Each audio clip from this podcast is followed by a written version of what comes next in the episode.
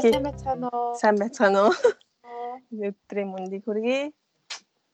PET подкастын манай анхны дугаар та бүхэнд хүргээд бит хоёр одоо бичээд сууж байна.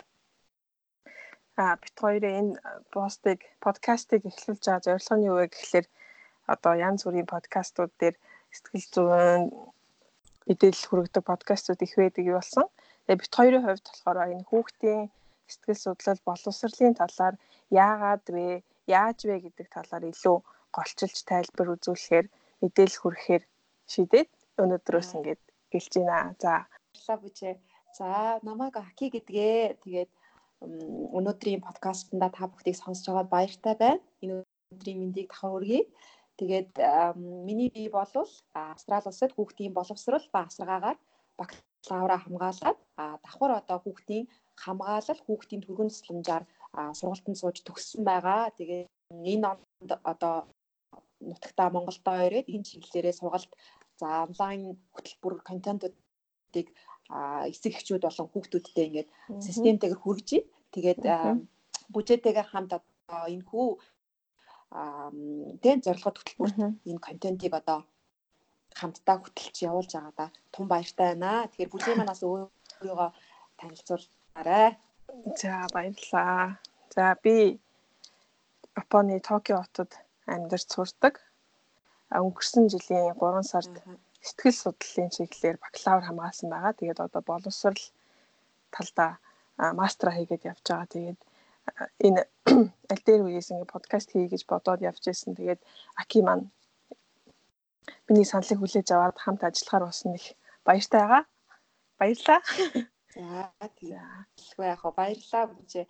За тэгэхээр өнөөдрийн манай подкастын маань сэдв болохоор 0-оос 3 насны хүүхдийн хөгжил сэтгэл зүйн хэв шинж онцлогийг хоёр олцлон ярих юм.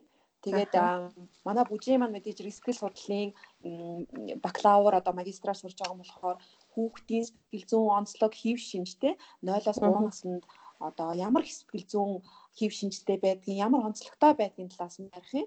А миний хувьд болохоор мэдээж мэрэгжлийнхаа дагуу хүүхдийн 0-оос 3 насны хүүхдийн те тухайн үедээ ямар хөгжилтэй байдгийг сэтгэл зүй бие махбод те тань мэдэх хувьд ямар хөгжилтэй байдгийг ямар анхааруулжтай гэдэг талаар бит хоёр ярилцаад за подкастыг хаан төгсгөл хэсэг бас анхааруулжтай эцэг эхчүүдтэй зөвлөгөө өгөх талаар одоо ярилцах юм аа. За тэгэхээр ерөнхийдөө бол хоёлоо эхлээд хүүхдээ урагт байх талаас нь жоохон эхлэе гэж би бодлоо.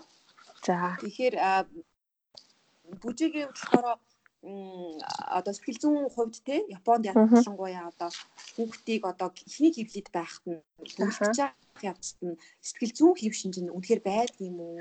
Сэтгэл гэдэг зүйл нь одоо тий киномад бүрэлдэхтэй ороод ирсэн байдаг юм уу? Яадаг юм болоо энэ талаас хуваалцаач. За. За яг сэтгэл зүй гэдэг бол нөгөө өөрөө айгүй олон тал салбарын шинжилгээ ухаануудаас нөгөө иш татаад тэр шинжилгээ ухаануудын дээр үүсч бий болсон болохоор яг сэтгэл судлал яг одоо жишээлбэл эхийн хөвлөд хүүхэд байхдаа сэтгэл зүйтэй байдаг юм агуу маа гэдгийг бол яг тийм гэж хэлж болохгүй. Байгаль одоо биологийн агаахын шинжилгээ ухааны үүднээс авч үзвэл гэж ярьж болох юм. Ааха. За тэгээд Ер нь бол ингээ яг эхний тэр ургийн талаар яриад явах юм бол ерөөхдөө нэг тийм биологийн яриа болоод явчихна л да. Гэхдээ яг сонирхолтой байж магадгүй гэд хоёул яри те. Аа. Тэгээ. Хамгийн түрүүнд одоо юу хөвгтөн амьтад амьтдыг одоо энэ Швейцарын амьтан судлаач энэ төрөх хүүхдээ үр төрөлөө тээх үйл явцыг хоёр хувааж авч үзсэн байна. А нэг нь болохоор удаан хугацаанд тэгээд цөөхөн төлөв гаргадаг. За тэгээд удаан хугацаанд тийс учраас төрснийхаа дараа нэг хөгжил нь бүрэн болцсон байдаг тийм. Жишээлбэл одоо гүү ноглонгууд унаг нэг 2 3 минутаараа босоод хаад явчихдаг гэх мэтчлэн тий.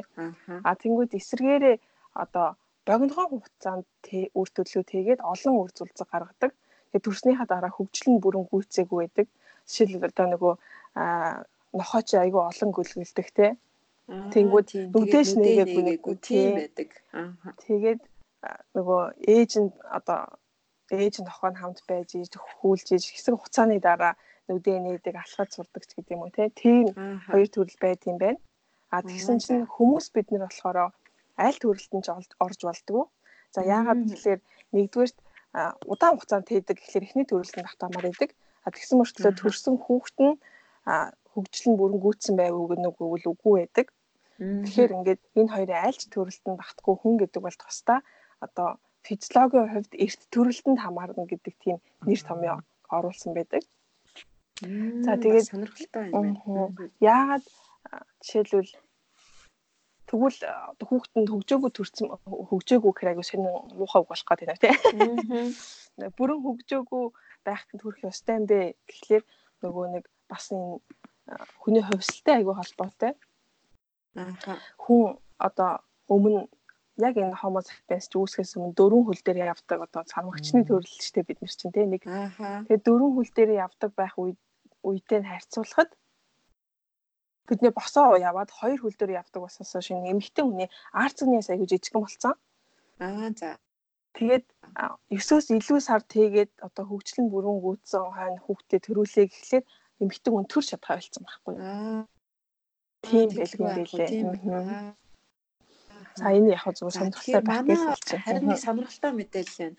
А үүнтэй холбогдуулаад ярихад бол а бид нар чи мэдээж хэрэг сургуулийн өмнөх насны хүүхд тэгэхээр 0 сартаагаас 8 настай хүүхдийг хамаарч үзэж байгаа. Тэгэхээр Австрали улсад маань өөрөө нира бүлэг буюу тий монголоор 2 7 хоногтой хүүхдийг эхлээд авдаг байгаа. Тэгэхээр 2 7 хоногтой хүүхд тэгэхээр манай Монголд бол мэдээж хэрэг маш нира хүүхд болчихж байгаа тий. Тэгэхээр шинэ нира гэдэг. Ер нь бол тий. Тэгэхээр биднэрт ч гэсэн хичээл дээр академик хичээл дээр энэ бүх одоо мэдлэг академик одоо сургалтуудыг ордог байгаа. Тэгэхээр энэ дээр бол нэмэгдээд бол ерөнхийдөө бол 5-аас хүүхдээ хийхин хөвлөд 5-аас 8 7 буюу одоо нэг тий 2-оос 3 сартаа гэсэн үг шүү дээ тий хөвлөдөө 5-аас 8 мэдээлэлтэй байхдаа одоо ерөнхийдөө гар хүл нууруу гэд мэдрэх хэрэгтнүүд ингээ бүрлдэж эхэлтээ үүнээс халаад хүүхд хөвлийн дотроо хөдөлж эхэлнэ. Ээж бол мэднэ. Гэцэн хөвлийн хөдлөнө. Тэгэхээр хүүхд өөрөө хайрлагдах мэдрэмжийг мэдэрч эхэлнэ гэсэн. Тэгээ гадны хөгжим одоо тийм дуу хөгжмийг өөрөө хүүхд мэдэрч байгаа гэсэн үг байхгүй. Тэгэхээр ерөөсөө ээж маа ээж ээж маань өөрөө хүүхд гिचэндээ 5-аас 8 7 хоногтой байхаас эхлээл хүүхдтэй үлгэр ярих, хамтдаа хөгжим сонсох, одоо хайрлагдчих гэсэн тэр одоо мэдрэмжийг тий хүргэх. Эндээс эхлээл одоо хүүхдийн боловсрал яригдчих эхэлж байгаа. Ерөөсөө үүсгээс эхлээд. За тэгэл ерөнхийдөө 9-өөс 12 7 хоногтой байхад хүүхд маань өөрөө асар хурдтай хөгжин амьсгалын одоо тэр системүүд нь хөгжин тэгээ энэ үед мэдээж зэрэг одоо аавтай өвөөтэй гэртэнхийн амьдарч ин дүү ах нь хүлээж нү те? Энд одоо энэ гэр бүлийн гишүүдэд танилцуулж болж ин за алуу миний хүү те ээжийн гисэнд хүрээрээ одоо дүүтэйгээ яриараа дүү нь одоо удахгүй мэдлэнэ гэд. Тэнгүүд нөгөө хүүхэд маань гिचэндээ байгаа хэдий ч гэсэн 9-өөс 12 7 хоногт одоо хин ярьж ийн? Аав маань ямар дууны өнгөтэй байна? Дүү маань тий ах маань ямар дууны өнгөтэй байна? Ээж маань ямар дууны өнгөтэй байна? гэдгийг ялгаж мэддэг байгаа. Тэгэхээр бол хүүхдийн хөгжил гэж сэтгэл зүй одоо гэж бүх юмыг ярихын тулд бид нэр яалтчгүй хоёлоо хий хөвлөд урагт бүрэлдэхээс ахуулах тэр процессыг ингээд ярьж эхэлж байгаа юм л та. За тэгэхээр ерөнхийдөө ерөнхийдөө товчондоо бол хүүхдийн хөвлөдөх одоо хөгжил маань иймэрхүү байгаа нь тий. Тэгэхээр одоо хоёлоо энийг одоо нийт 9 сар 10 сар тий 47 хоногийн ингээс тэр 7 хоног болгонд нэм болдог гэж ярих юм бол бас айгүй уртын болчихгүй. Тийм энэ учраас яг сонирхолтой гэсэн юм энэ хоёлаа яриад өнгөрчээ тий. Аа. Жишээлбэл одоо нөгөө дөрөвдүгээр 7 хоногоос эхлээд хүүхдийн ургийн зүрхэн цохилж эхэлдэг байх жишээтэй тий. Тэгээд одоо ер нь нийт төртлөө тэр 10 сарын хугацаанд хүүхд 3200 грамм хүртэл өсдөг байх нь чихээ 6 сараас сая хийсэн 6 сартайгаасаа эхлээд ураг усан дотроо хөдөлж эхэлдэг. Тэгээ ургийнхаа нөгөө уснасаа уудаг тэгээд бүр нөгөө шингэнээ ялгаруулдаг болж эхэлсэн байдаг швшээ тий. Харин тий. Тэгээд тэр шингэнээ ууханаас өөрөө одоо төрөх үйл явцаас одоо нөгөө нэг юм ихээс одоо их юм уу гадаад ертөнцөөс тийм нэм бактериас хамгаалж хамгаалж тэгж ургийн усаа ууж байгаа юм билэ айгуус сайн уу? Аа зөв аха. Тэгэхээр хүүхд маань өөрөө ингээд нөө байгалийн натурал хэлбэрээр бие мах одоо төрөхтөө бэлтгэхтэй Тэгэхээр ээж хүний хувьд бол төрхийн хугацаанд хамгийн анхааруулж та тийм гол зөндөө юм байгаа. Эрүүл хооллолт зөв дасгал хөдөлгөөн ингээл зөндөө юм байгаа ч гэсэн миний бол ойлгож мэдснээр бол сэтгэл санааны одоо стресс хүрдэг дээд хэмжээр хүрдэг. Гэхдээ энийг баланс буюу айгүй доктордоо байлгах хэрэгтэй. Тэгжиж хүүхэд маань өөрөө одоо төрөх бүхтэй үйл явцаа өөр өөргөө бэлддэг. Одоо ээж бол тэрийг мэдээж гизээ хэлээд хүүхдийг зөв байлгаж оруулаад хөдөлгөөлөө авахгүй шүү дээ. Тэгэнгүүт ээж өөрөө тайван амгалан хүүхдэд дэмжиж ярилцаад хойлоо чаднаа хойлоо төрч шүү хойлоо ийм өвчм сонс чинь хойлоо дэлгүүр явчихна гэл яг л нөгөө хүүхдээ гой ингээл дэмжээл бүх тримийг ингээд хайрлаж дэмжиж чадвал хүүхд өөрөө одоо төрөлхийн ямар нэг генетикийн сог одоо тийм байхгүй л болвол одоо энэ хүүхдийн өсөж байж төрөх үйл явц маань өөрөө натурал одоо тийм байгалийн зам ёсны ийм сайхан үйл явц гэж бол бодоод байгаа. Тийм. Ааха. Тий яг одоо жишээлбэл нэг жишээ хэлэхэд нөгөө генийн гэдэг чинь бол ген ч байхтай тэр чинь ген одоо биш дауны синдром гэдэг чинь бол нөгөө хормосомын өвчин шүү дээ. Тэр чинь бол яалчгүй нөгөө ураг байхтаа л тийм болцсон. Тий. Тэгэхээр энийг бас дараагийн хоёлоо сэдвүүдээр.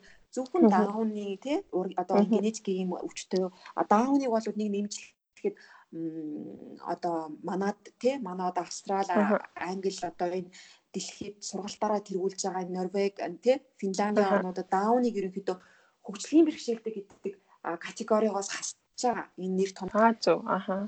Тэгвэл даунтаа өсөлтөө улсууд найруулагч модель маш олон талбарт одоо программист IT гэдэг маш олон салбарт ийм авьяастай бусдаас хол авсан ийм айкута байгаа даа. Тэгэхээр энийг тийм дауны синдромтой хүүхдийг бүр дараа нь хойлоо бас болоод тэгээ хийж болж юм л та. Тэгэхээр үүн дээр бас нэмээд хэлэхэд бол бас хойлооноос арай жоохон төвөрчлээд нэг сонирхолтой гэсэн сэдвүүдийг яриад байгаа шүү дээ. Тэгэхээр одоо хойлоо ингээд нэг жоохон тархины талаар хойлоо ингээд яриул яаж хүүхдээ. Тэгэхээр миний нэг зүгээр нэг мэдээл мэдлэг байна л да. Одоо хүн хүн бол 10-аас тэгээ 10 гинэ 100-аас 200 нейронтой тэгээд нэг ерөнхийдөө 1.1 тэрбум одоо тархины эсүүдтэй ингэж холбогдож амьдралынхаа туршид ингэж холбогддог гэдэг. Тий. Энэ дээр одоо хүүхдийн тархины хөгжил одоо сэтгэл зүйтэй холбоотой байдаг юм болов яадаг юм болов аа за за яг энэ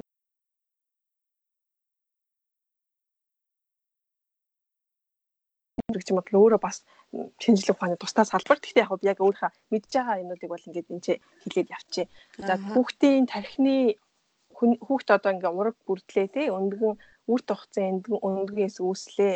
Түүнээс түүний дараагаар тархинд хизээ одоо нөгөө тархинд биш худлаа ярьж шүү. Тэр эсэнд тархины анхны ус үүсдэг хугацаа гэж байдаг те. Тэгээд тэр а хугацаа явах тусам за яж би энэ яг энэ график надад байгаа би тэрийг харж байгаа хэлсэн. За энэ хугацаагаар бичээгүй хэмжээг нь бичсэн байна. Хүүхд үр тогтсон өндгөөс 3 мм-ийн хэмжээтэй болоход ургийн тархины хөгжил нь ямар байдаг вэ гэхэлэр урд тарих, дунд тарих нь үүссэн байдаг. Нуус нь бас үүссэн байт юм байна. Тэгээд 8 мм-ийн хэмжээтэй болоход ирэхлээр одоо уртвтар тарих гэж нэрлэдэг тэр тарих нь үүсдэг юм байна. Тэнгүүд анх тархины эс үүслээгээд бүх тарих нь одоо тархич айгүй олон хэсгээс бүрдэж байгаа шүү дээ. Их тархины бог гадар, дунд тарих, бага тарих, лавсрын тарих гэх тээ. Тэднээс нь яг бага бага хугацаагаар өсөд за тэгээд 7 7 хоногийн дараа гихт бол ерөнхийдөө нэг юм тарих юм уу гэсэн хэлбэртэй орд юм байна. Аа за.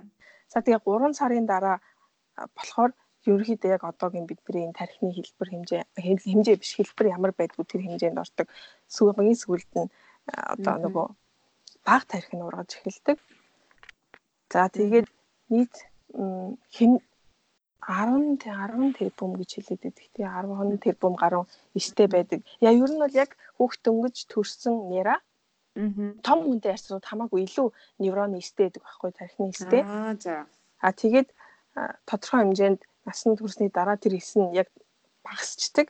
Аа тэгтээ багасч тий. Аа. Яа тэгтээ яг өгч байгаа мó гэхлээр бас тийм биш юм шиг байгаа маа. Аа за. Нөгөө нэг одоо ингээд нэг хүлээ Тийм жижигхэн байдаг шүү дээ тий. Жижигхэн байгаа дээ нөгөө хүүхд чи өөрөө биеийн жижигхэн. Тэгээд нөгөө невроны эсрүүд айгүй жижигхэн байж хагаад тэгээ нөгөө өсч томорхтой зэрэгцээд невроных нэгснүүд нь бас өсдөг юм байна л та. Тэгээд нөгөө нэг одоо 2 вэс нэг болоод томордог ч юм уу гих мэтчлэн арай өөрчлөгдөл явдаг юм байлээ. Тэр нь яг уу аа тэгээд багассан гэж үзтээ үзнэ гэх юм уу тэгж ойлгож болно. Тэгээд миний ойлгож байгаагаар манай одоо юун дээр аа за. Миний ойлгож байгаагаар яагаад аа за энэ дээр ааха Ойлоо за. За чи хэлээ яриарай. Аа за. Энэ дээр би харин нэг юм саналлаа чамааг яг ингээд нейроны талаар ярьсан чи яг ингээд яг санагдчихлаа. Манайх болохоор ерөнхийдөө хүүхдүүд чинь манад яг ингээд child brain development буюу хүүхдийн тархины үйлчлэгээд тусдаа ингээд хичээл орж байгаа юм л та. Нэг 2 3 гар курс 2 дугаар курст орж байгаа. Тэгээ тэрэн дээр ерөөсөө манай агш айгу энгийнээр нэг юм ярьсан санаанд орчлоо. Тухайн үед нэг ойлгоогүйсэн. Тэгсэн чи яг тэр багш маань хүүхдийн яг тархийг айгу олон жил ингээд өөрөө researchтэй судалгааг судалсан тийм багш байсан. Тэгээд хэлэхдээ бол өнөөдөр та нар ингээд цэцэрлэгийн багштэй баагийн багш байж болж байна. Тэгээд өнөөдөр та нар хүүхдтэй хүүхдүүдэд те нэгэн дадал буюу? За гараа угаагаараа. За гараа угаагаараа. За гараа угаагаараа гэдэг хоолны өмнө хилээд байх болгоно. Одоо тэр хоолны өмнө гараа угаадаг гэдэг нэг тийм процесс процесс байгаа штэ. Тэрийг бодож байгаа тэр э, одоо тархинд болохоор тийм мэдээлэл дамжуулаад тэр нейронууд нь ингээд айгүй олон татгцаар холбогдоод ингээд юм батбуг болчихдог гинэ. Тэр амьдралын туршид одоо хоолны өмнө гараа угаах нь хэрэгтэй ашигтай гэдэг нэг тийм үлдчихдэг гинэ. Нейронууд холбогддог. Аа за эргүүлээд нөгөө талаар нь хэлэхгүй байгаа л мартагдаал ингээл хамбал хичнээн тэрийг өмнө нь те 0-оос 1 2 наснд хилцсэн байлаа гэдээ ингээд дахиж ашиглахгүй хэрэглэхгүй бол ингээд нөгөө хуучраал нөгөө юм хэрэглэхгүй болохоор зэвэрдэг шиг хоёр холбогдсон нейрон салдаг. Энэ дээр бас нөгөө бидний өдөр тутамд хийж байгаа дадал зуршил ингээд хүүхдүүд дээр бас хийлгэж байгаа юмнууд нейроныг үүсгэхэд холбогдоход бас их туслаад байгаа юм шиг санагдаад байгаа. Аа зөв аа. Гэхдээ бас амар төвхтэй юм билээ хараа. Харин энэ бол бүр тусдаа юм шинжлэх ухаан болчихж байгаа юм шиг байна. Тийм энэ бол яг чагны чиний ярьсан юм бол хүмүүс яаж юмыг сурдсан бэ, суралцсан бэ гэдээ дахиад нэг сэдв болгонд хоёлоо дэлгэрүүлээд ярьж болно. Тийм байна. Тийм байна. Суралцсан онл гэж гэдэг юм гэдэг юм тийм. Надад харин нэг тийм яг тийм байна. Яг тийм байна. Тэгэхээр энэ дээр болохоор нэг юм надад ийм нэг юм сонирхолтой жишээ байгаа юм л да. Америкийн профессор Брунерийн одоо судлаач тухайн үед Америкчууд маш олон туршилтууд хийдэг байсан. Хүүхд тийм тэр хүний энэ суралцах хэв маяг за хүний хөгжлийн талаар одоо бүхэл бүтэн ийм одоо судалгаа гаргаж авахын тулд маш олон хүүхдэд төр туршилт хийжсэн. Одоо үеэр бодохыг харах юм бол ер нь бол их хүмүүлэг бус туршилтууд байдаг юм тийм одоо тэгээд хоригдсан байдаг шүү дээ тийм ганц жишээ дуртахад бол одоо саяны оолынгийнхын тархины хөгжил дээр ингээд ярихад бол нөгөө энэ Брунер маань тийм Америкийн профессор маань нэг хэдэн хүүхдүүдийг ийм цулгаа юу ч байхгүй хамд ингээд эмнэлгийн өрөөнд хийгээд аа нөгөө хэсэг бүлэн хүүхдүүдийг ингээ ханыг ийг будаад өрөөгөө өрн ингээд сувлагч мөвлөгч наагур цаавар холхоод хөгжим ингээд пинс тоглуулдаг. Тэгээд нэг хэдэн сарын дараа нөгөө хүмүүсээс чинь нөө шинжилт одоо тест авч байгаа юм байна л та. Тэгээд цулгаа хов басан цагаан өрөөндөөсөн хүмүүс маань нөгөө олон өдөөгч хүчин зүйлүүдтэй байсан хүмүүсээс тарих хөгж. Тийм үед 3 сараар хоцорсон мэн гэж байгаа байхгүй юу? Аа. Тэгэхээр ерөнхийдөө миний бол ойлгож байгаагаар энэ гадаад орчны нөлөөлөл хүүхдийн оюун ухаан хөгжил мэдрэхүүд ер нь бол гоц болвол өөрчлөлтийг үзүүлдэггийг энэ судлаачдын туршилтууд батлаад байгаа юм шиг байна л да. Тэгэхээр хоёулаа энэ дээр сэтгвлээд хүүхдийг хөгжилд ер нь юу нөлөөлдгийг сэтгэл зүйн хөгжилд нь одоо тийм юу эргээр нөлөөлдгийг за 0-оос 2 насны хүүхдийн сэтгэл зүйн онцлогийг хоёулаа ярих уу? За тий. За За 0-оос 2 нас. За 0 2 нас нь хамаагүй. Ер нь бол энэ хүүхдийн бага насны хүүхдийн за дөнгөж төрснөөс 3 нас хүртэл 2 нас хүртэл гэж ярьж байгаа. Энэ хугацаанд хүүхдийн хөгжилд хамааралтай дөрвөн үндсэн дөрвөн байдаг хүн болгоны ойлгох ёстой. Тэр нь юу байдаг вэ гэхээр үргэлжилсэн энэ одоо хүүхдийн хөгжил гэдэг бол ерөөсөө үргэлжилсэн үйл явц юм а гэдгийг ойлгох хэрэгтэй.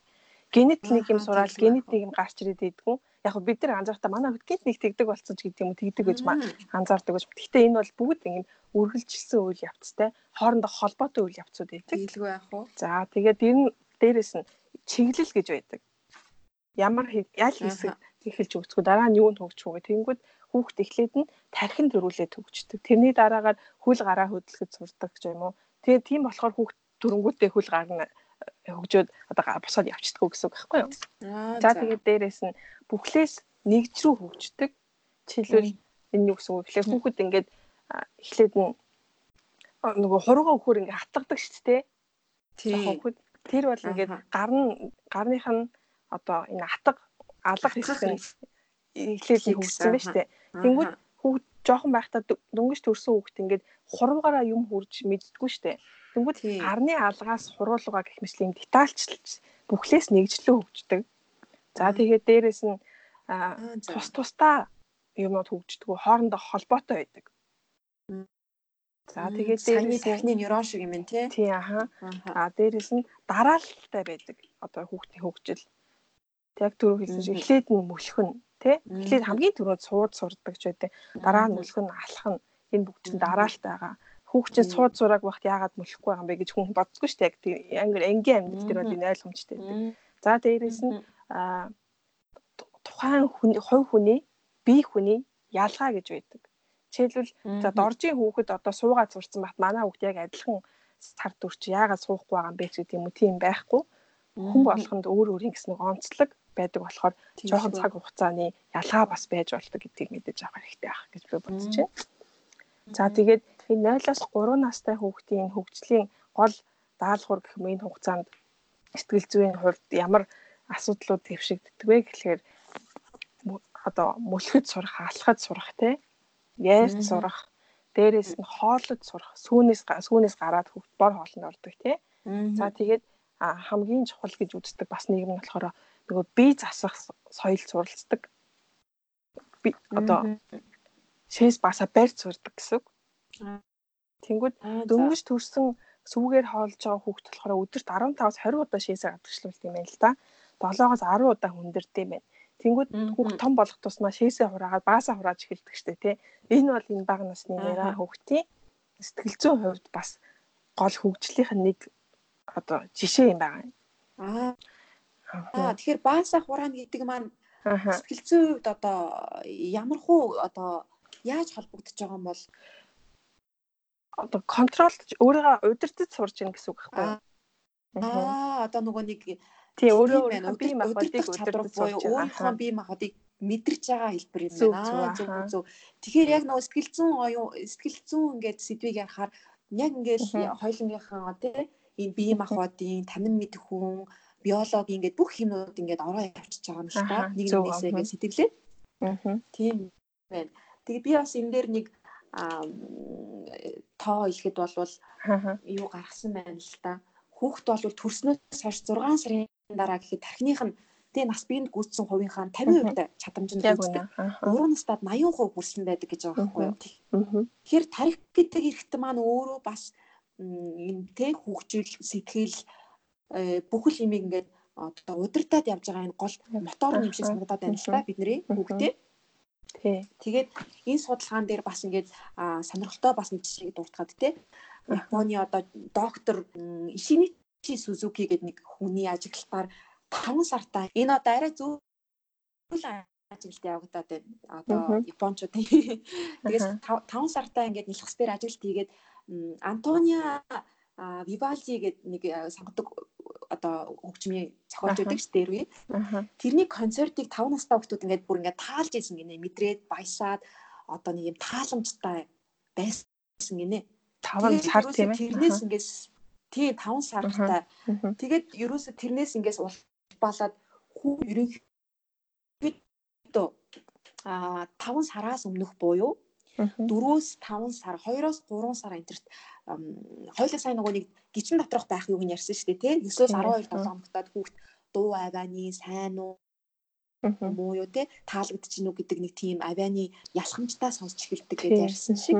А энэ хүүхдийн хөгжил бол чиний яг хийс зүгээр нэг бүгд шинээр нэг юм мэдээд авдаг уу энэ бол бол зогсолтгүй ингээ үргэлжилж байгаа ийм процесс юм аа хүүхдийн хөгжил гэдэг маань. Тэгэхээр энэ дээр бас нэг анхааруулжтай тий эцэг эхчүүд анхааруулжтай зүйл нь бол биднэрт дутаггүй чухал биш санагдчихсэн юм ба хүүхдэд өөрт маань асар их мэдрэмжтэй. Тэрийг өөрөө хөтөн мэдэж ойлгож байгаа туршлага болж байгаа. Тэгээ энэ цаашдынхаа амьдралынх нь бол сэтгэн бодох тийм үндэс болж байгаа юм шиг санагдчихээн л та. Зөв. Тэгэхээр чиний хувьд бол одоо хүүхдтэйгээ бид нар жишээлбэл сая яг хоёулаа нэг ярьлаа шүү дээ. Шээс басаа ингээд контролж сурах тий. За нэгээс хоёр наснд хүүхдүүд дунджаар бол шоконд те хэрэглэж одоо сурдаг. Тэгэхээр иймэрхүү одоо дадлыг суулгахын тулд хүүхдтэй ер нь сэтгэл зүйн хувьд ямар арга барилаар одоо харьцах ёстой юм болоо. За яг уу жишээлбэл энэ нөгөө яг би түр хэлсэн шүү дээ. Энэ нөгөө нэг тус тусдаа дараалтаа бий болдог гэх тээ. Тэнгүүд хүүхэд одоо кошокон дээр сууд сурдаг ч юм уу тэр ч одоо хэдэн сартаагаас 9 сартай орчмоос эхлээд хүүхэд кошокон дээр сууд сурлаа гэж бодъё те. Аа. Тэнгүүд за сурдаг байж болно. Тэгээд хүүхэд одоо кошокон дээр суулгахад дуртай байна уу, дургүй байна уу гэдгийг анхаарах хэрэгтэй те.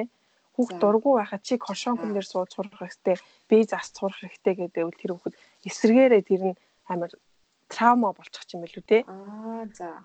Бүр одоо дарамт тий, дарамт болохгүй өөрийнхөө нь яг одоо жишээл дургүй байгуул за миний хүүхд одоохондоо энэ 0 дээр суугаад кошонкон дээр сууна гэдэг дургүй байгаа маань арай сурах болоогүй юм байна гэж бодоод ч юм уу. Хамгийн бол хүлээцтэй байх хэрэгтэй. Хүлээцтэй хандах хэрэгтэй байна. За. Дараагийн хэмжээнд одоо хүүхдтэйгээ за тэгээ хүлээцтэй хандаад 1 2 3 4 сар өнгөрлөө. Тэгвэл дараагийн одоо алхам нь юу байж болох вэ? Одоо тэнгүүд одоо стил татгалзаа те кошокон суухгүй би одоо дургүй байна гэдэг тийм хэлбэр гаргаад байвал одоо ямар одоо тэр хүүхдэд одоо сэтгэл зүйн хувьд тэр хүүхд өөрөө дургуун байна уу? Эсвэл бие махбодын хувьд дургуун байна уу? Энийг одоо зөвхөн шокон зуух биш шүү дээ. Хоолой зүү идэх баруун гараараа бичих за тэгээ гутлаа өмсөх гэл янз бүрийн амьдралын өдөр тутмын дадлууд тэднийг одоо яаж шивтэйхэн одоо ойлгуулж хийлж одоо тэр хүүхдийн одоо сэтгэл зүй тааруулж эцэг харьцах хэрэгтэй болоо.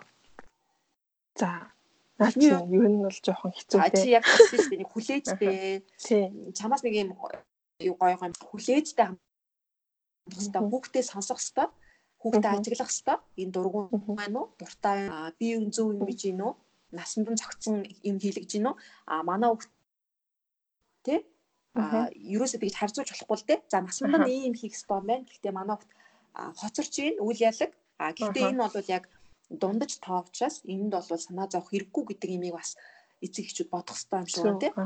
Одоо нөгөө интернет маш хөгжсөн учраас ямар ч ээж Google руу ороод тий 3-аас 6 настай хүүхдийг хийх ёстой зүйл гээд англиар монголоор хахад статистик гараад ирсэн байгаа тий 3-аас 9 сартай хүүхд одоо толгоогоо даагаад ингээд ингээд ингэсэн байна гэдэг нэг тийм жишээ байгаа. Тэргээр бас яг хязгаарлагдаж болохгүй юм шиг санагдлаа л да. Зөв. Угаасаа нөгөө хүүхдийн хөгжилд ерөөсөө бидний за заавал хүүхдэхгүй ер нь хүний амьдралд одоо нөгөө нэг хүний амьдралын ихэнх үед нь тодорхой ямар нэгэн өдөөгч өгөөд туршлага суулгахын тулд зөв хөгжил үүсэх тохиромжтой үе тохиромжгүй үе гэж байдаг байхгүй юу? Аа за Тэнгүү жишээлбэл нэг сартай хүүхэд толгоогоо өргөд хүзүү толгоо өргөд сурдаг ч юм уу хүзүү нуруух нь яс бэгччихийдэг тий. Аа за. За тэгээ 4 сартай болоод ирэхээр түшид суулгах юм бол хүүхд түшид суух биологийн хувьд физиологийн чадвартай болж байгаа байхгүй юу. Тэгээд 4 сар хүрээгүй хүзүүн нуруунд сайн одоо ясан тогтоогүй хүүхдийг суулгах гад байна гэвэл эн чинь одоо хүчилж байгаа юм болж байгаа шүү дээ. Бүр ингээд тийм байна. Хүчирхийлэл болоод нэстэй тий. Тийм байна. Энтэй адилхан яг цаг хугацааны хувьд одоо тохиромжтой үе, тохиромжгүй үе гэж байдаг. Тэр болгоныг л бас мэдээллүүдийг харах уншиж үзэх хэрэгтэй байна. Аха. Бүжигээс бас нэг асуулт асуумаар санагдлаа л да. Аа танаа одоо сэтгэл зүйн шинжилгээ ухаанд ер нь хүүхдийг те бага насны хүүхдийг ямар одоо цаан хэлбэр араншин гаргахад тэр хүүхд сэтгэл зүйн хувьд одоо асуудалтай бага зэргийн гэмтэлтэй байна гэж ерөнхий тодорхойлдог вэ? За бай цаадах чинь ямар хэцүү асуулт вэ? хэцүү асуулт байна уу? Санахгүй байна аа. За тэгвэл манай манай юун дээр болохоор манаач яг ерөөхдөө нэг шинжилгээ ухаанд ярьж байгаа. Тэгээ бид нар дээр болохоор багш нар сэтгэл зүйн тал дээр асуудалтай хүмүүсийг яаж эрт илрүүлж мэдхүү гэдэг дээр нэг тийм мэдээлэл өгд юм л та. Энэ дээр жишээ дутахад хүүхэд маань өөрөө ихцэлж рүү харахгүй. Тэгээ инээхтэй тий ил задгаа сайхан ингээ инээгээд инээмсэлж чадахгүй шумалзаал мурилзаал за тэгэл том үнтэй ингээл харж чадахгүй үеийнхэнтэйгээ ойлголцохгүй. Асквал бүр хит сахлахгүй хүмүүс идэв штэ. Анги бүр нэг сахлахгүй хүүхэд болгон дийггүй айгу гоё те. Гэхдээ нэг бүр нэг одоо юу заавал болохгүй зүйлийг хийгээл тэнцээч нэг юм хаглаад энэ ч юм асгаал. Тийч хойш хүүхэд зодоол нэг юм бүр нэг юм хэд салгагүй хүүхдийг бас сэтгэл зүйн асуудалтай бас анхааруулжтай тий хэлбэр гэж ажиглаж үздэг. Тэгэхээр энэ дээр бас манай одоо ээж аавудаас ер нь бол а юу гэх тийм асуултууд ирдэг л дээ. Манай хүүхэд бол сүүлийн одоо контент дээр бол а манай хүүхэд одоо ингээд мэдж байгаа ойлгож байгаа ирнэ албаар ингээд дүүгээ мааж ав самардаад хазаа тахын гэдэг нилээн давхцсан тийм асуудууд ирээд байгаа байхгүй юу? Тэр бол одоо өөртөө анхаарал татах гэдэг хэлбэр шүү дээ тий энийг хоёулаа нэг жишээ болгоод ер нь нэг хазах маажих цохих түлхэх гэдэг нэг юм emotional юм хэлбэрүүд байгаа шүү дээ. Одоо нэг сэтгэл зүйн юм нэг юм илаарч өөрийгөө илэрхийлээ тий. Үгээрээ одоо бид нар шиг хэлж чадахгүй шүү дээ. Ээжээ би өнөөдөр ингээд цэцэрлэгтээ явсан чинь манай цэцэрлэгийн найз надад ингэж хандаа тэгсэн чинь багш тэрийг ойлгохгүй.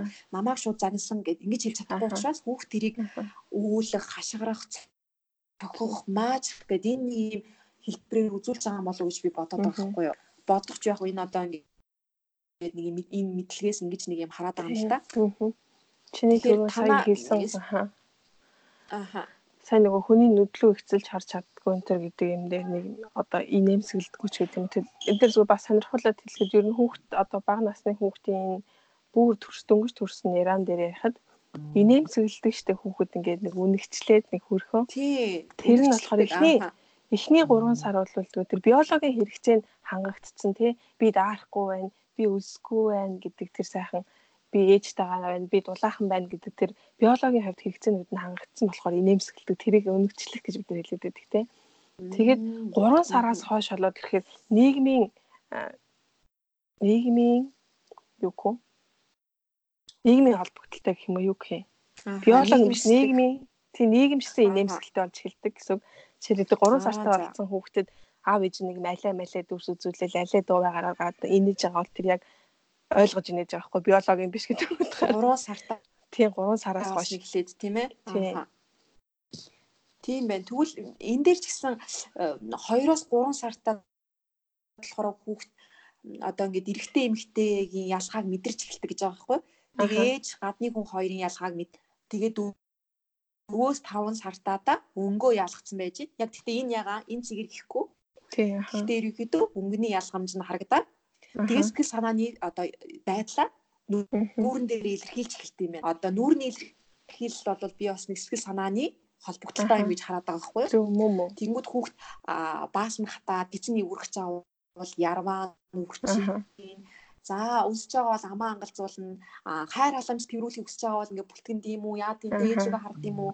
Энэ мэтчлэн ингээд дөнгөж төрсөн те 4 5 сартай хүүхд хүртэл сэтгэл зүйн юм хэв шинжээ илэрхийлгээд байдаг юм. Шиг байгаа тий. Тэгэхээр энэ наснд нь 4 5 наснд нь бас нэг юм манаа дээр судалгаа байдаг л да. Хүүхдийг одоо үүлэхт нь хизээч одоо ойлгохгүй, тоохгүй ойлгож болохгүй гэдэг нэг юм чухал сэдв баг том сэдв байгаад байгаа. Тэгэнгүүт манай одоо цэцэрлэгийн багш нар хүүхдийг ерөөсөө үүл үүл хүүхд үүлэн те. Асар олон шалтгаанаас олж үүлж болно тэрийг маш хурдан хугацаанд ажиглаад юунаас олж гэдгийг тогтоогоод хариу арга авдаг. За баас нь баастаа нү шээлтэй байна уу хувцсан тий холгоод байна уу яаралтай нь холгож гин үү эсвэл сэтгэлзүү ээжээсээ ааваасаа санаж гин үү имээгээ санаж гин үү тий гэрээ санаж гин үү эсвэл тоглоомоо булаацч гин үү асар олон шалтгаануудыг ингээд а тархинда мэдээж хэрэг том юм чинь тооцоолох чадвар өндөр байгаа. Тэнгүүд бодож боловсруулаад хүүхдэд авах хэмжээ авна шүү дээ тий. За ээж нь ээжээсээ салсан бол гэртээ тоглодог бамбруу шиг зүгнээс нь аваад ээж магадгүй дуулдаг дууг нь багш дуулж өгч болно. Аа. Тэ? Аа за хүүхдэд тоглоомоо булаацалтаа дүүсэн бол тэр хүүхдээр нууцлахгүй болох ч юм уу гэд бас юм сэтгэл зүгийн ингээд одоо 2-оос 15 наснд хүүхдийн сэтгэл зүг ингээд эмчлэх юм бол мэрэгжлийн одоо хүн тандаад тий ингээ имжлэх юм бол а эргээд энэ сэтгэл зүйн ямар нэг стресс депресд орох одоо магадлал нь насан туршид багасдаг гэж үзээд байгаа байхгүй юу? Аа зөв. Тий. Тэгэхээр бидний болохоор нэг юм онцлог нь одоо чи боловсролын салбарын хүн би болохоор ингээ багш хүн гэдэг тэгэнгүүт бид нар бол яг эцэг ихтэй хамтарч ажиллах нэг юм баг юм болов уу гэж би бодоход тий. Зөв. Тэгэхээр өнөөдрийн энэ подкастыг оруулж байгаа тэ зорилго чиглэл маань ч гэсэн ерөн цаашлаад эцэг ихтэй мэдээлэл олгох. А ирээдүйн ээж аав нарт тэ.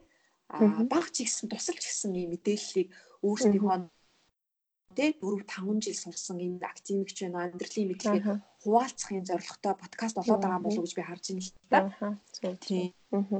Тэгэхээр үүн дээр нэмээд одоо хойлонгийнхын яриа ерөнхийдөө 2 дугаар хэсэг буюу одоо 3 дугаар хэсэг рүү орох чинь. Тэгэхээр үүн дээр нэмээд одоо сэтгэл зүйн хувьд өөр одоо эцэг их нар маань юуг нь анхаарах хэрэгтэй байдаг юм болоо. За эцэг их өөрөө хүн чиний тал дээр болохоор зөвхөн хүүхэд гэлтэхгүй те. Аа чи одоо одоо энэ талаар юу гэж бодож нээжүүд болохоор жирэмсэн болоод айгүй сэтгэл санааны хямрал болвол ордон шүү дээ яг үнэ. Тэгээ энэ бол яг хямрал уу, стресс үү, а эсвэл бол одоо сэтгэл зүйн одоо гормоны өөр одоо биологи шин чанартай ийм процесс яваад идэх гэдгийг бол айгүй олон судалгаа байгаа тий. Тэгээ би өөрөө бол гурван хүүхэдтэй яг ойрхон ингээд төрөөж ирсэн болохоор айгүй мэдрээд байдаг л да. Тэгээд ер нь ингээд төрсэн ээжүүдийнхаа яриаг сонсоод жирэмсэн ээжүүдийнхаа яриаг хуваалцахаар бол сэтгэл зүйн хувьд айгүй тийм а юу гэдэг юм бэ лээ тогтворгүй байгаад байгаа байхгүй юу. Тэгээ энэ маань ингээд урагт нөлөөлдөг юм уу?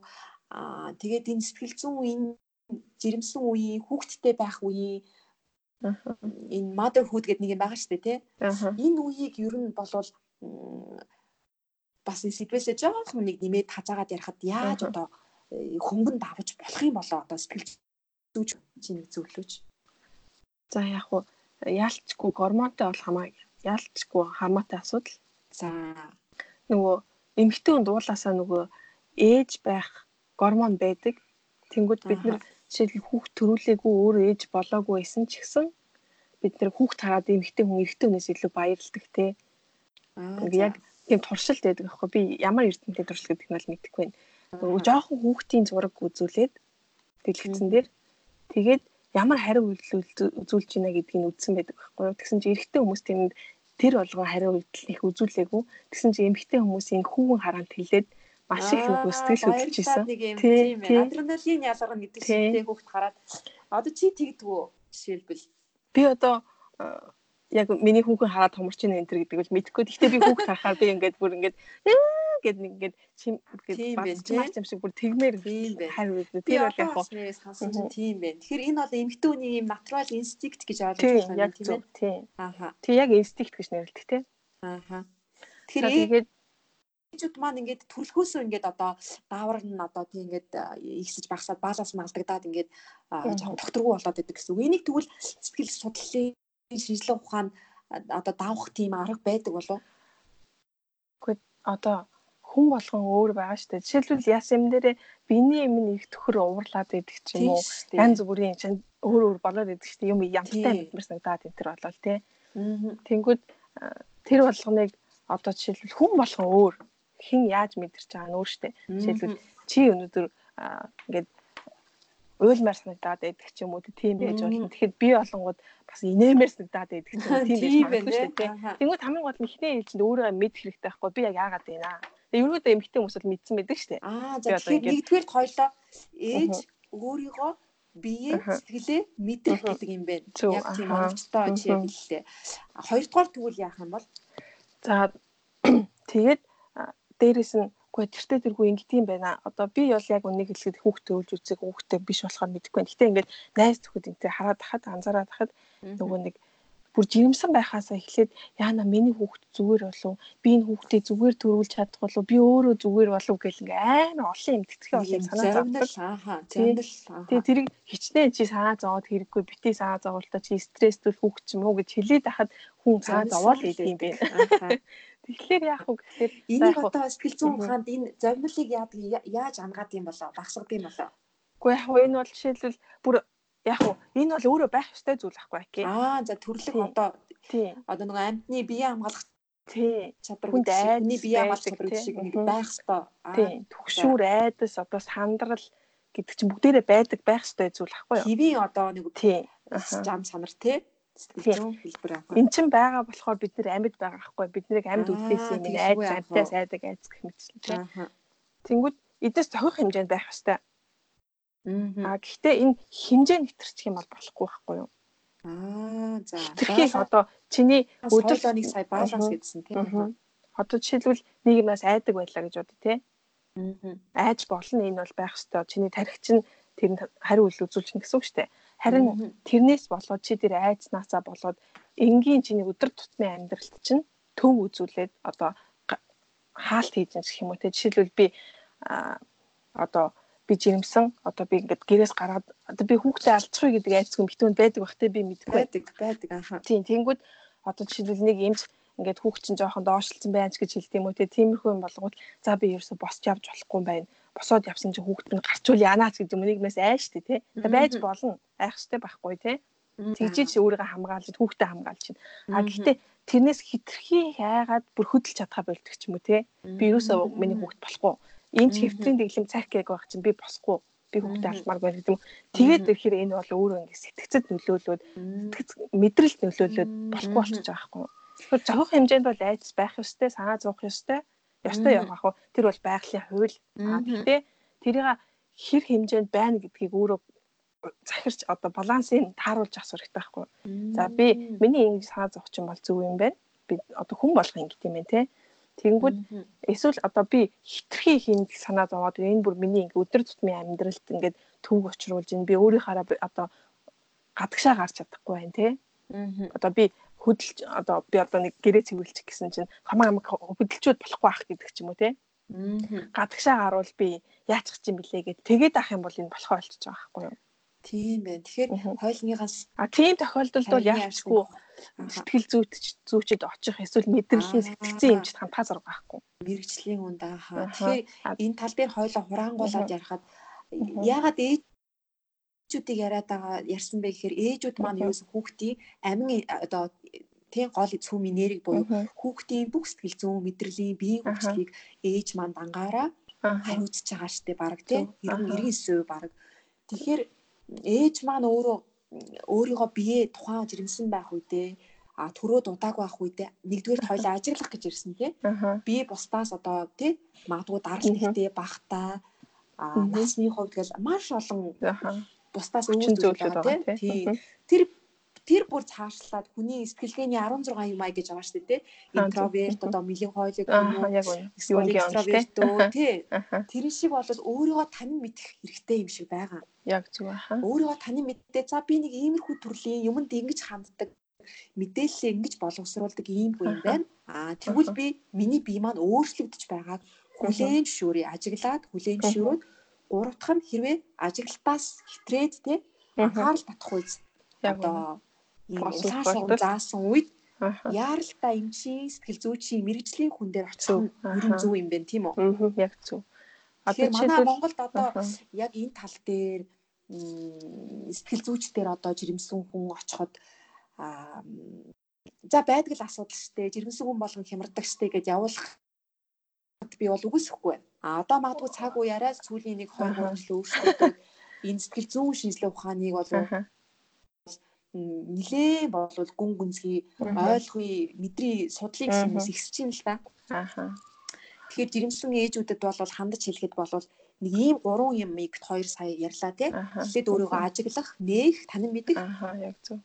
Хоёрдугаар хүлээн хүлээн зөвшөөрөөд өөрөө арга хэмжээ авах өөрийнхөө гин төсөлд авна дээ. За жирэмсний төвд яваад бусад хүмүүстэй холбогдоод йог хийн үү. За тэр зураг зургаад тий гой бассейн зилээд байгаль гараа тайвширна уу гэртээ арга хэмжээг ээж болно. А үүнээс цааш хитрээд ах юм бол сая бит хоёрын мэрэгжлийн үнд хандах хэрэгтэй мэрэгжлийн хүнээс зүг зүг авах юм байна тийм. аа тэг жишээлбэл одоо хараа би бол уншсан юм аа хэлээд байгаа шүү. Яг нээж нарын талаар, жимсэлтийн талаар бол би яг туршлага болохоор мэдэхгүй. Одоо жишээлбэл дөнгөж төрсөн нөгөө хөхүүлэх хүүхдээ хөхүүлж чадахгүй байхад ингээд айлын хүүхд харахаар жишээлбэл өхнөөс нь сүү гараад идэг гэж байгаа байхгүй юу? Тэгдэг үү? Өөрөө яг одоо хүүхдээ хөхүүлж чаддаг байх үед тэгдэг гэж байгаа. За тэр нь тэгээд би бол яг тийм туршлага байхгүй. Гэхдээ энэ бол ер нь бол ингээд логикоор мэдрэх хүн тэ ухаанаар бодоод үзэхэд э, ер нь бол possible гэж бодчих байна. Харин тийм. Тэгээд тэр тэрийг жишээлбэл бид нэр яаж контролч чадахгүй байхгүй юу? Тий. Одоо нөгөө хүүхд хараад бид нэр хариу үйл үзүүлээд биш бид нэр тавшиг хүн өвшихээр өвшөөдөг шиг тийм яг үнэ яг үнэ тий. Аха. Тэгэхээр энэ тархины бас юм хариу урвлууд дээр нэмээд ярихад одоо хоёр тий хоёлаас хаа ингээд баг нас хүүхдийг ярьж байгаа тий. Тэгмүүд энэ тархины хариг хариг уруул үзүүлэх энэ процессыг болохоор бас их чухалчилж авч үздэг байхгүй юу?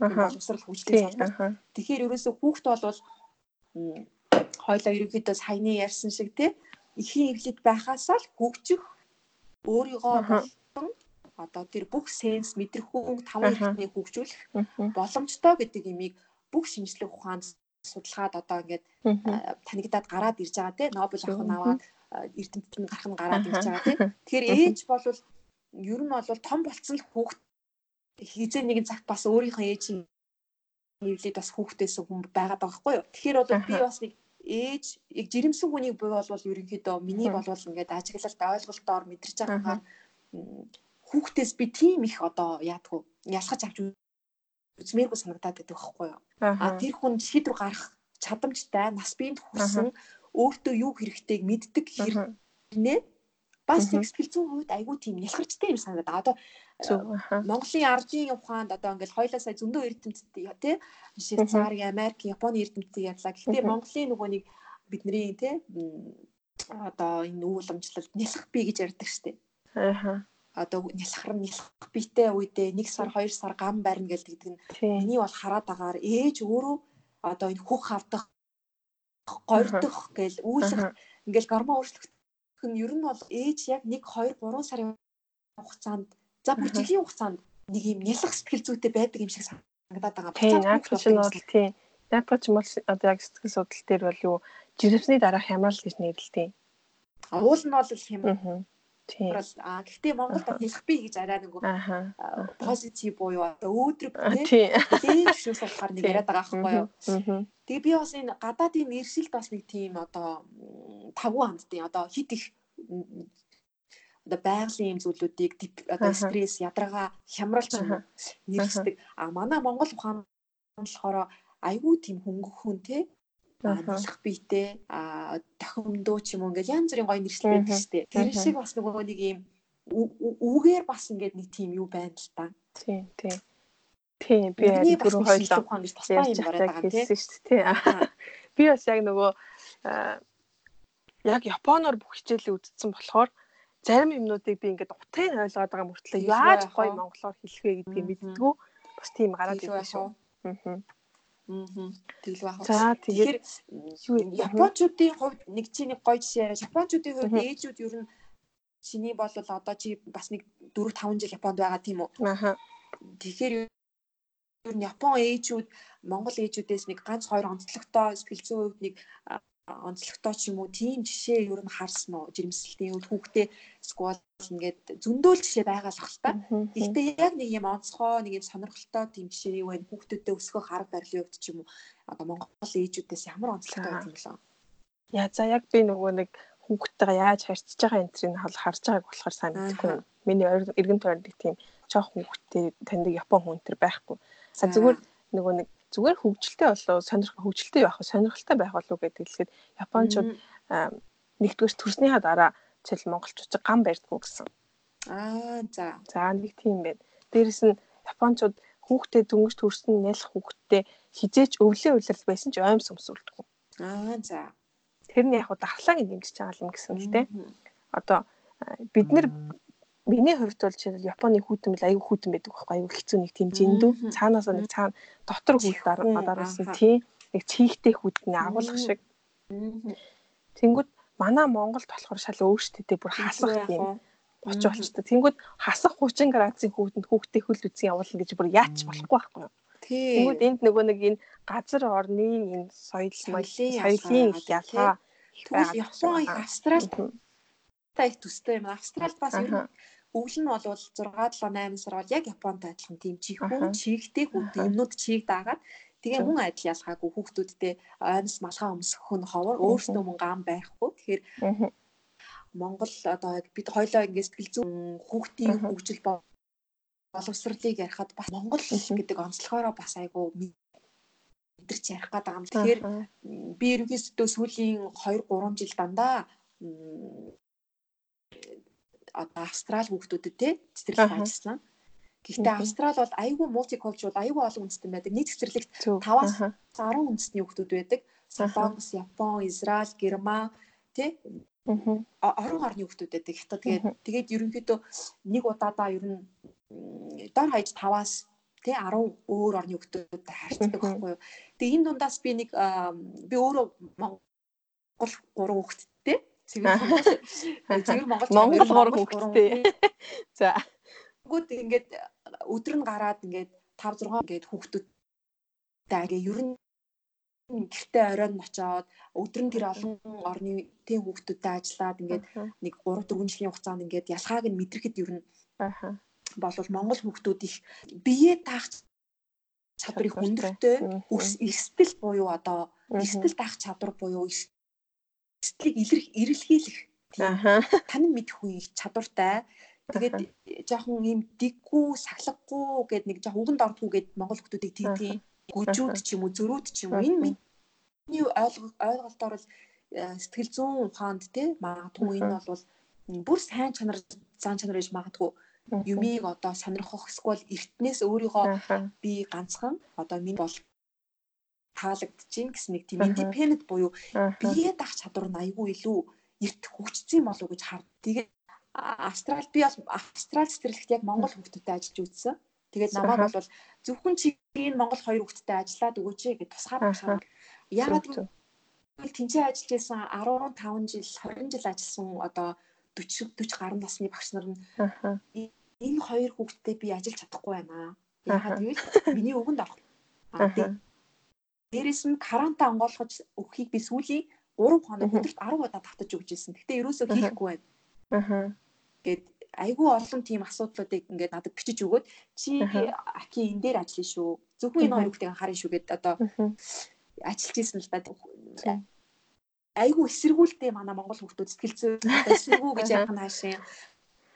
Зөрүүд. Энэ надад таалагдж байгаа бол зөрүүд те энэ надад таалагдж байгаад би ингээрээ хийн. А таалагдахгүй бол чи надад өөр сонирхол болоод өгөөч гэсэн нэг тийм л юм байдаг юм шиг санагдаад байгаа. Тэнгүүд энэ нод бол эргээгээд айгу тийм сайн зам чанар юм болов гэж би хараад байгаа. Бие даах чадвар, өсөлтөх чадвар тий энэ independent thinking буюу ирээдүйд ганцаараа шийдвэр гаргах чадвар зэргийг одоо сэтгэл зүйн хувьд тийм одоо хүчтэй хүн болж төлөвшөх тийм зан чанар нэгдэж байгаа юм болж хараад байгаа юм да. Магадгүй тий. Одоо угсаа хүүхэд яагаад юу нэг юм болгоныг оролдоод идэв. Яагаад юм болгоныг болохгүй гэд хийх гээд болохгүй гэд хийх гээд идэв. Тэгэхээр нөгөө бүх юм шинэ байгаа хгүй тэднэрт. Тэгвэл яахан бид эднээс өмнө 20 жил амьдэрсэн ч юм уу тийм туршлага байхгүй штэ бос. Нэг өглөө нөгөө нэг намайг мэддэг байх тэгэж гаргацсан гэдэг шиг бүх юм шинэ юусоо. Тэгээд юусоо тэр нөгөө шин юм болгоныг туршиж үзчихийж хийж үзчихийж бүр хурж үзчихийж яг хөвгтгэл юм болгоныг амдаа хийгээл гэдэг ч тийм тэрийг амталж үзчихийж үнэрлэж үзчихийж туршлага хураах гал байгаа байхгүй юу? Тэгэлгүй яах уу тэгээд тэрийг нь тэр нь яг манай монголчууд илүү байд юм байна. Би бүр яг тийм бага насны хөвгтэй ажилтал үзээгүй А би яг яг тэгэхээр хүүхд зөвхөн одоо өөртөө сонирхолтой зүйлсийг одоо санаж тогтоод нь шүү дээ. Аха. Тэгэхээр энэ чадрууд одоо юу гэдгийг хүүхд өнөөдөр энэ хар өнгө цагаан өнгө хоёрын ялгааг энэ хар болохоор муухай энэ цагаан болохоор гоё гэж тийм нөгөө нэг юм харьцуулалт тархин нь одоо бүрлдэж болоогүй цэвэрхэн цаашрал тийм байлээ шүү дээ. Яг үнэ. Тэнгүүд хүүхд ердөөсөө юмыг шүүн тунгаах тэр чадвар буюу тий жож жож хийх тийм чадвар нь одоо хөгжөөггүй байдаг гэх юм уу бүрлдээг байдаг гэдэг юм уу тий тэр утгаараа хүүхд амар нээлттэй байгаа байхгүй юу. Яг зөв. Би өнөөдөр бэлэн байна. Өглөө ослоо. Би юу сурах уу? Яах уу? Надад хин гоё амд чинь. Надад хин юм чинь надад бас нэг тийм айгуу тийм гоё энергитэй байдаг юм шиг байгаа л да. Тэгэнгүүт энэ дээр бол багш нар, ээж нар гэл амьдралын бүх эргэн тойрны хүчин зөвлөлөгч зүйлүүдээр хүүхдийн оюун ухаан, сэтгэл зүй энэ бүгдийг нь тий цэцгийг сайн усалж байгаа юм шиг ингэж услах ээж аваад боломж байгаа. Тэгээ би энэ дээр нэг ганцхан нэг одоо зөвлөгөө чи үг юм уу хэлэхэд бол яа тэгвэл айгүй олон ээж аав нар ингэж холбогдоод байгаа хгүй маш олон түүхүүд бичээд манай хот өнөөдөр ингэсэн чинь тэгээд тэгээд ингээд бит хоёр юм асуудалтай гэдэг. Тэгээ энэ дээр яг би нэг юм хэлэхэд хүүхэд бол хизээж хүүхдийг имжлэх ч юм уу хүүхдийн юм жор юм байдгүй маа одоо нэг талхыг хөөлөхийн тулд 40 хэдэн гараач хөөлгөч хийгээд ингээд талах хийлээ гэдэг шиг. Одоо юу гэдэг хүүхдийн хөгжлийг ч юм уу яг тодорхойлох яг тийм байдгүй байдгүй байхгүй. Юу.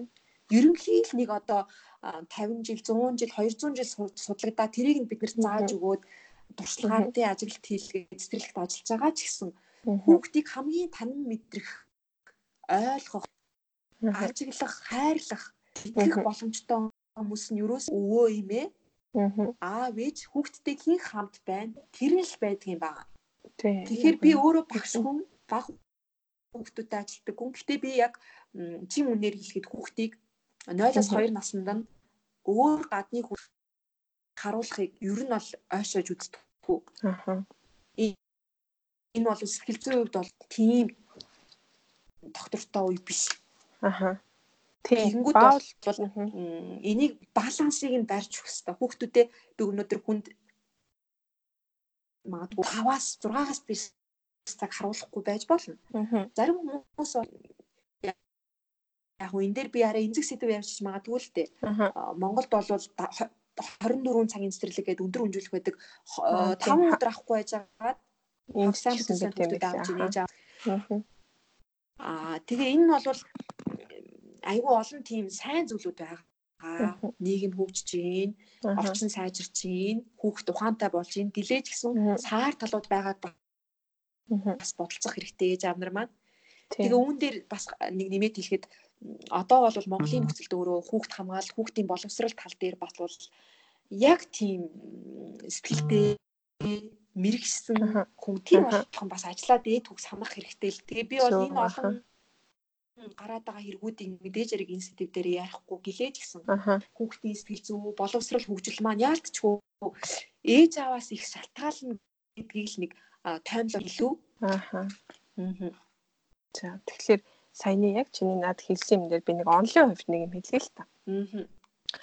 Нөгөө хүүхэд дөнгөж төрөөд 8-аас 9 7 хоног болоход нөгөө өөр хүмүүс гэдэг ойлголт хүүхэд бий болдог байхгүй юу? Аа. Аав ээжээс гадна тий.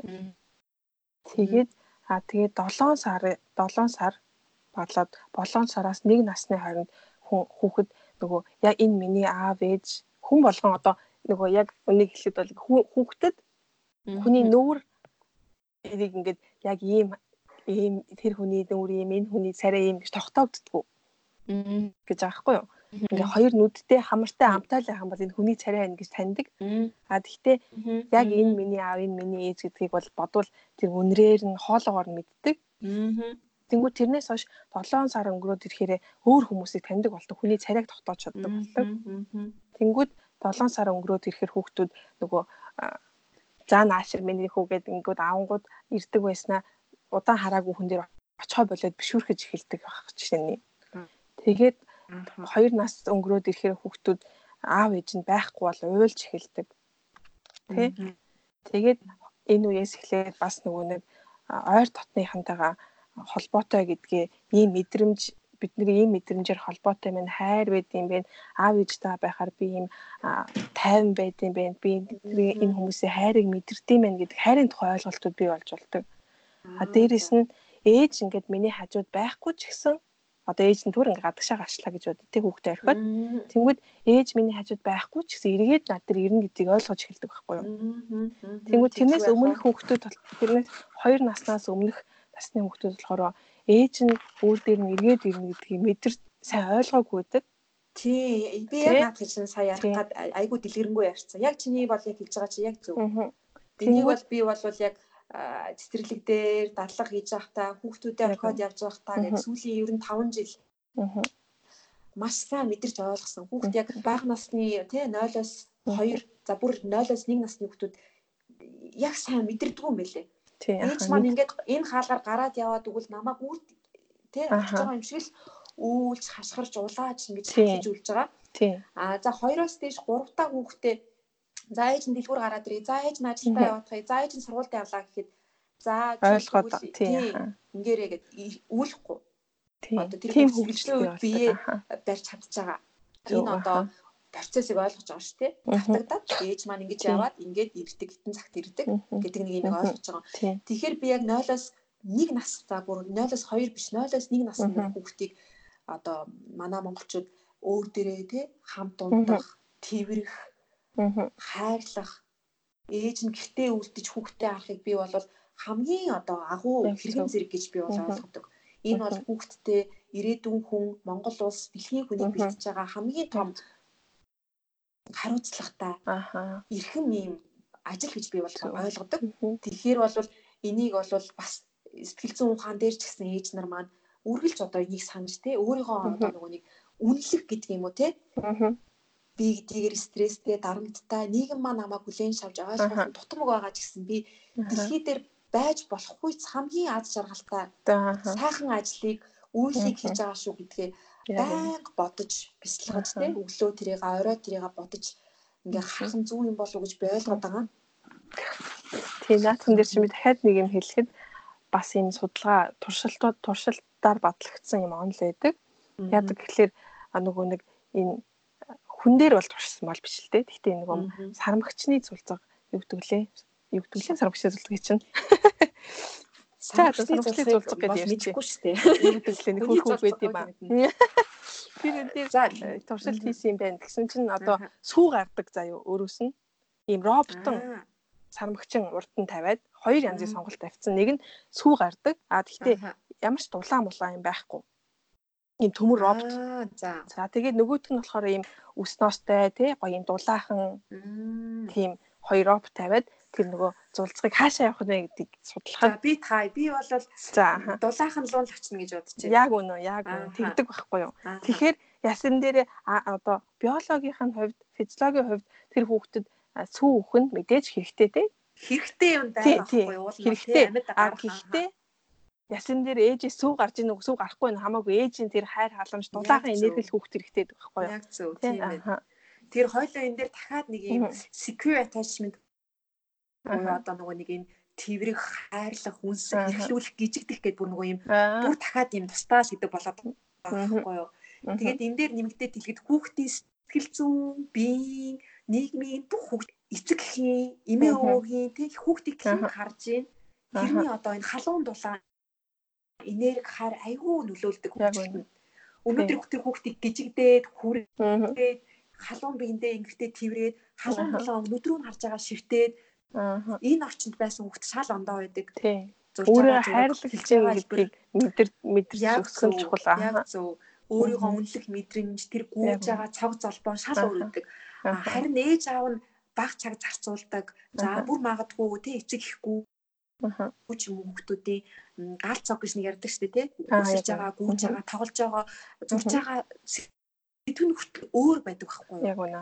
Тэгэхээр энэ энэ нь бол эргээгээл хүүхдийн орчин тойронд байгаа хам будаг тоглоом бүх зүйл утга учиртай. Магадгүй бид нар хитрхи их юм шиг санагдаж байгаа ч гэсэн сэтгэл зүйн хувьд шинжлэх ухаанд бол магадгүй миний ойлгож байгаагаар бүх юмыг чухалчилж авч үздэг болов гэж бодож байна. Ягаад гэвэл бид нар хүүхэд гээд нөгөө цагаан ийм сайхан торгон цаасыг яриад байгаа шүү дээ. Тэгвэл энэ дээр чинь бид нар 0.5-ын харандаага юм бичих үү, те? Палмастер гуаш биер ашиглах уу гэл ингээл бүх юм айгу бодож шийдэж те судлаж хийх бол юм шиг байгаа юм л та. Тий, тий. Тэгээд дээрээс нь судалгаатуун дээр нэмэгдээд хүний нэг хайр төрөлх инстинкт гэж нэг байгаад байгаа тийм. Тэгэхээр хинэ бүжи хойлонгийнх нь ер нь подкастны маань гэдээ ярилцах цаг өндөрлж юм л да. Өндөрлж да. Тэгээд ер нь чиний одоо бодлоор дараагийн одоо подкастт чи ээ сэдвээс уйлдуулаад бас сонирхолтой байх болов уу гэдэг одоо ямар шин мэдээлэлтэй ямар сэдвээр ярилцъя гэж одоо бодож байна. За өнөөдөр хоёлоо. Гэтэ яг нөгөө айгүй их агуулгатай юм ярьж байгаа л та нэг ингээд ингээд бодоход бол нэгээс хойлоос 2 3 насны хүүхд 3хан жилийн майд амарчлаа ингээд ярих юм бол нэг цаг багтахгүй дахиад энийг үйлдэлээд ярьж болохоор гэсэн үг байхгүй тий. Хүний үүсвэрлүү хойлоо ороод байгаа шүү дээ тий.